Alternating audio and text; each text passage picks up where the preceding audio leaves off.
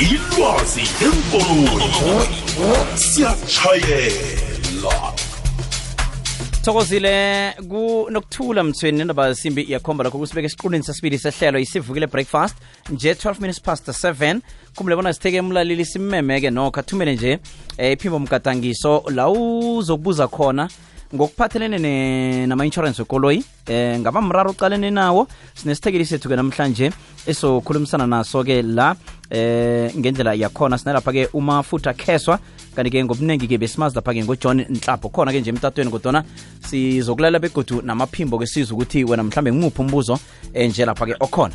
Lotshani lotshani mafutha kheswa. Njani lutshani um mhathi sithokoze. Nivukile sivukile nivuke njani mina? Awasivukile iye lotshise nakubalaleli bakho ne- behlelo siyathokoza vele sitheke sikubize abalaleli bazokubuza batsho ukuthi mhlambe imiraro ebanayo ngimayiphi ngithokoza isimemo ha Team b nakunsimbi masilela ngiba ukubuza when it comes to insurance ukuthi nase mhlambe utholakala eh une breakdown and then uyabafonela eh nabathi na before bakuphendula ukuthi bayeza bathi babawa i-access mhlambe ye-5000 namkha 4005 eh 500 njalo. Ku- ku- kubangelwa yini lokho? Uthola ukuthi i-contract wayifunda kuhle ukuthi vele eh na na uzotholakala ustakile endleleni namkha involve ku-accident bayeza bazokuthowa so manje nase bafuna i-access mhlawumbe unabo 4 years uyibhadala leyo insurance. Kwenziwa yini? Ngiyathokoza. Kusongitshele kuthi ngibani one-5000 ehlezi emoyeni elinde mhlaphukelwa ikoloyi. Hm mm. eh ke sizwe-ke ungamphendula uthini umzila umlaleli? Ngivile umlaleli eh into ekhona lapha eh, umlaleli into umdayicale i-access abayibizi mhlana umuntu eh anomraro. I-access isukela mhlana umuntu angena esivumelwaneni naye lowo eh we-insurance company. Eh kuyachiwo vele ukuthi-ke siyakhavara mara-ke mhlana uba unomraro kunemali oyikhipha ngaphambili. So akusiyinto evame iyitsha. Ino- eh, kunokuba nje ukuthi eh ngaleso sikhathi mhlawumbe umlaleli vana angenayo imali leyo mara kuhle kuhle mde uzilungisele mhlawumbe uthathe i-insurance yakho mde wazi ukuthi kune-access eh ozoyibhadela na uzokuthowiwa eh nawulimaleleko yimpahla leyo oyi-inshorileko so akusiyinto etsha into evame ikhona. Okay eh, ngimzwa uthi la wayifunda-ke yena-ke ne-contract ukuthi indaba le eh zangayibone-ke i-access le-ke. Kufanele enzeni-ke nakanje? Nakayifundileko i-contract isitsho bona akuna-access ngoba kukhona amapholisi amanye eh a-access free ngamanye amagama awukhuphi i-access. Leso nakhona sivumelwano esifanele sibe sekuthomeni mhlana umuntu ayisayinayo i-contract leyo nakayifundileko wathola ukuthi eh kuhle kuhle akufanelanga abhadale i-access mara nasela lingalelwe sebamfuna yona. Vale kungakalungi loko indaba leyo mntu ayithatha isephezulu kunabo ombudsman okanye-ke angene kuma kiyo ikhampani leyo banama-claims committees eh engiwo aqala-ke i-contract ukuthi ikhamba njani. Nakanganelisikanga bangamenzelanga ngendlela yesivumelwano.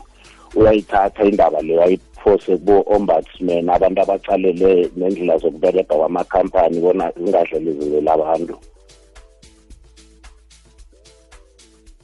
ekuseni nobusayi nobathabile.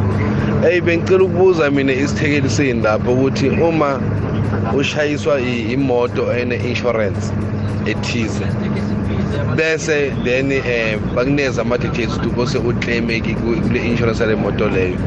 Ubafonele bathi senda izinto zakho bese then kuphela three months yonke bangakureply kufanele wenze njani? Njengami ngishayiswe imoto le moto i-insured kwenye ikhampani bade ngisenda into zami zonke sekuna-three months solo ngihleli ngilindile. I don't know what to do anymore ukuthi ngenze njani. Uvictor emhluzi emehlibeke eh ungamphendula. Ikabili-ke leyo eh ngamamagama eh kune kunomthetho omunye bawubiza bona i-subrogation. I-subrogation isho ukuthi nangine-insurance lokha ngiba ne ne ne- kusho ukuthi ikolo yami iba sengozini nomunye umuntu one insurance kuhle kuhle umuntu omdala landelele leya enye i-insurance i-insurance yakho wena nawunayo. Na ungenayo ke ke okwesibili kuba inkinga ke ngoba kosa uzilandelelele wena ngamagama kube nguwe olandelela i-insurance yomuntu loya. Kuhle kuhle awukafanele nokukwenza lokho ngoba wena uyi-third party. Ngamanye amagama i-contract yomuntu loya ye-insurance ngeyakhe. Ngamanye amagama ihlangana naye na eh, nekhampani leyo insure eh, kuyo. So wena uyi-third party mde kuhle kuhle ukhulume eh, via umuntu lo umnikazi we-insurance. Eh nabakuyeleko ukuthi thumela amaphepha eh nayo yonke into abayifunaka ukuze bakulungiselele. Nguwe ke umde uzilandele. Lapho ke kuhle kuhle sefuna thana unaba naba unabameli ofana ama-broker azokukhulumela aqinisekise bona ke le insurance ikwenzela ke ngendlela efaneleko. Kuhle kuhle iba yihle nanawe une-insurance ngaphasi komthetho lo we-subrogation. I-insurance yakho ngiyo elandelela enye i-insurance ingasiwena ne bonyana ikolo nayi-write off thothi ube sengozini bathi write off kolo yakho? Mari uyayibona ukuthi hawa mani ungayilungisa lungisa. Insurance yakho nayithi no ikolo yakho bayi-write off. Bakhe singihlahlule isithekeli sihlahlule nabanye ukuthi wena ungazembi uba uba nama nama-option amangaki. I- ikolo yakho nayo-right off khumbula-ke bona-ke ngokunikela kwakho ngamamagama nawenza isivumelwano ne-insurance ukuthi mhlala mhlana uvelelwe yingozi. Bazokulungisela yona. Ubapha wonke amalungelo wakho phezu kwekoloyi leyo nakwenzeke into.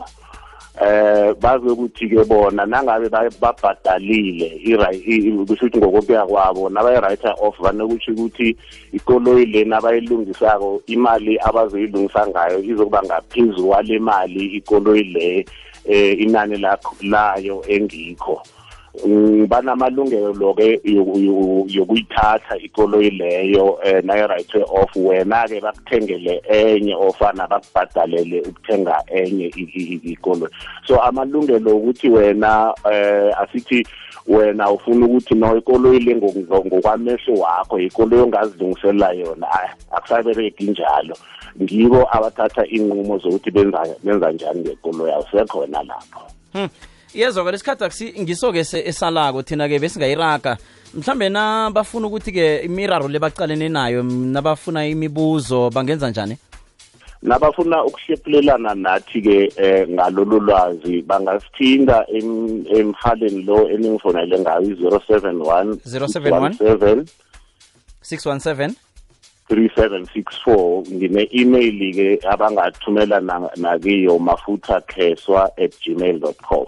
Oh okay no mani sithokoze khulu kwambala ilwazi osinikele lona nesikhathi sakho ngithokoze nami aha ilwazi ngeenkoloyi siyatshayela